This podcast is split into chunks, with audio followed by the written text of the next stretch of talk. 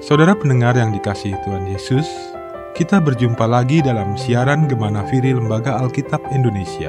Kita ingin merenungkan bersama firman Tuhan yang diambil dari surat Ibrani pasal 13 ayat 5 sampai 6 dan dilanjutkan ayat 15 sampai dengan ke-16. Surat Ibrani pasal 13 ayat 5 sampai dengan 6 Dilanjutkan ayatnya yang ke-15 sampai dengan ke-16. Demikian firman Tuhan. Janganlah kamu menjadi hamba uang, dan cukupkanlah dirimu dengan apa yang ada padamu. Karena Allah telah berfirman, Aku sekali-kali tidak akan membiarkan engkau, dan aku sekali-kali tidak akan meninggalkan engkau. Sebab itu, dengan yakin kita dapat berkata, Tuhan adalah penolongku, aku tidak akan takut.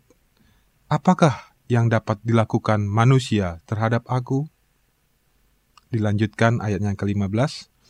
Sebab itu marilah kita oleh dia senantiasa mempersembahkan korban syukur kepada Allah, yaitu ucapan bibir yang memuliakan namanya.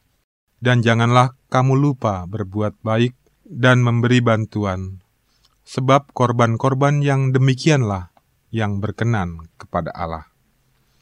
Saudara pendengar yang dikasihi Tuhan Yesus Kristus, sebagai manusia yang hidup di dunia, kita tidak lepas dari uang dan hidup tanpa uang.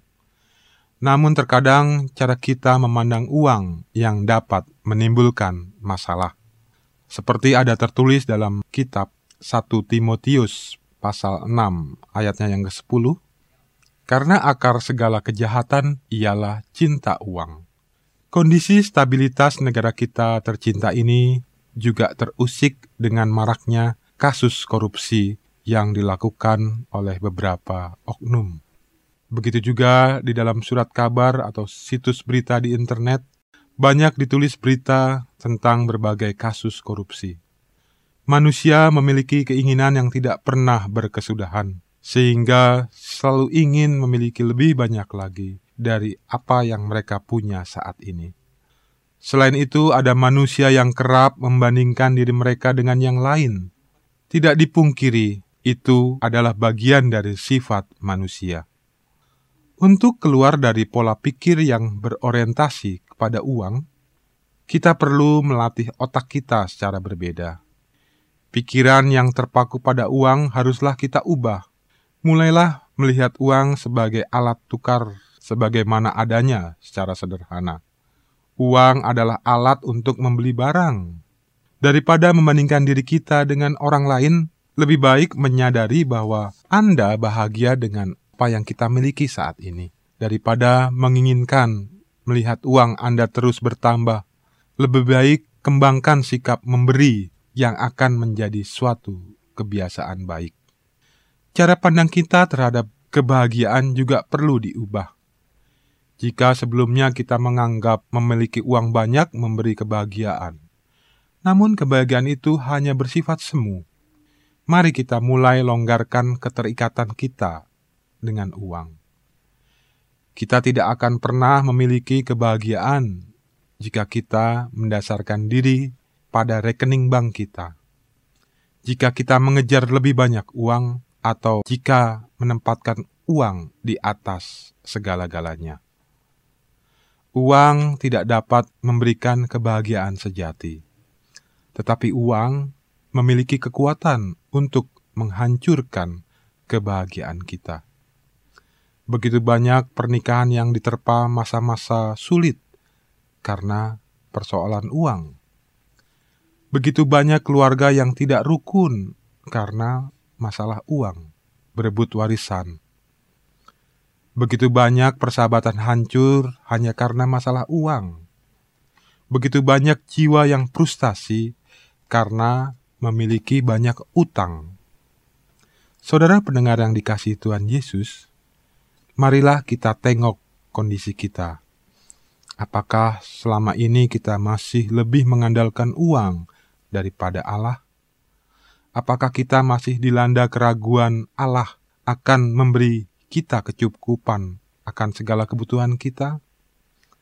Apabila semua jawaban kita itu iya, maka mari bersama kita ubah cara pandang dan perilaku kita terhadap uang.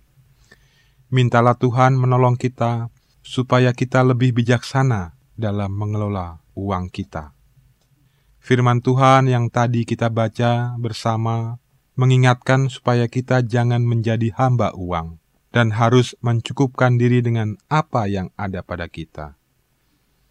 Apabila Anda sekarang belum mampu membeli kendaraan pribadi, janganlah memaksakan diri. Tetaplah berbahagia dan mengucap syukur meski kita hanya naik angkot saja.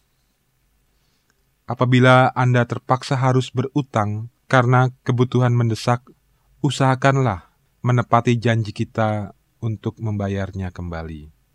Dengan kedisiplinan niscaya segala kewajiban kita membayar utang, pasti kita mampu melunasinya. Selain itu, mulailah juga ubah cara pandang kita terhadap kartu kredit. Kartu kredit bukanlah uang tambahan kita, tetapi hanyalah alat bantu bayar kita supaya lebih mudah, tidak perlu ke mana-mana membawa uang. Pakailah kartu kredit dengan bijaksana dan disiplin melunasi tagihan setiap bulannya. Firman Allah mengajar kita untuk jangan khawatir terhadap hidup kita. Itu tertulis dalam Injil Matius 6 ayat yang ke-25. Janganlah khawatir akan hidupmu, akan apa yang hendak kamu makan atau minum, dan janganlah khawatir pula akan tubuhmu. Bukankah hidup itu lebih penting daripada makanan, dan tubuh itu lebih penting daripada pakaian? Allah memberi penguatan agar kita yakin dan percaya bahwa Allah memelihara dan tidak akan membiarkan kita kekurangan. Tetapi Ia juga meminta kita supaya mencari dahulu kerajaan sorga dan kebenarannya, maka semuanya akan ditambahkan kepadamu. Saudara pendengar yang terkasih di dalam Tuhan Yesus Kristus, mari kita pegang janji Tuhan yang terus akan menjaga dan mencukupkan kebutuhan kita. Tetaplah bersyukur apa pun kondisi yang kita alami saat ini. Meski jumlah rekening di bank kita mungkin tidak cukup sampai akhir bulan, mulailah mengontrol dan mengelola pengeluaran kita. Dahulukan membayar berbagai kewajiban bulanan termasuk perpuluhan. Kemudian mulailah mengurangi pembiayaan-pembiayaan yang tidak mesti dikeluarkan setiap bulan seperti anggaran hiburan, makan di restoran, nonton bioskop, membeli pakaian bermerek, dan lain sebagainya. Selamat mengubah cara pandang terhadap uang. Bersyukurlah senantiasa, kiranya Tuhan Yesus menolong kita. Amin.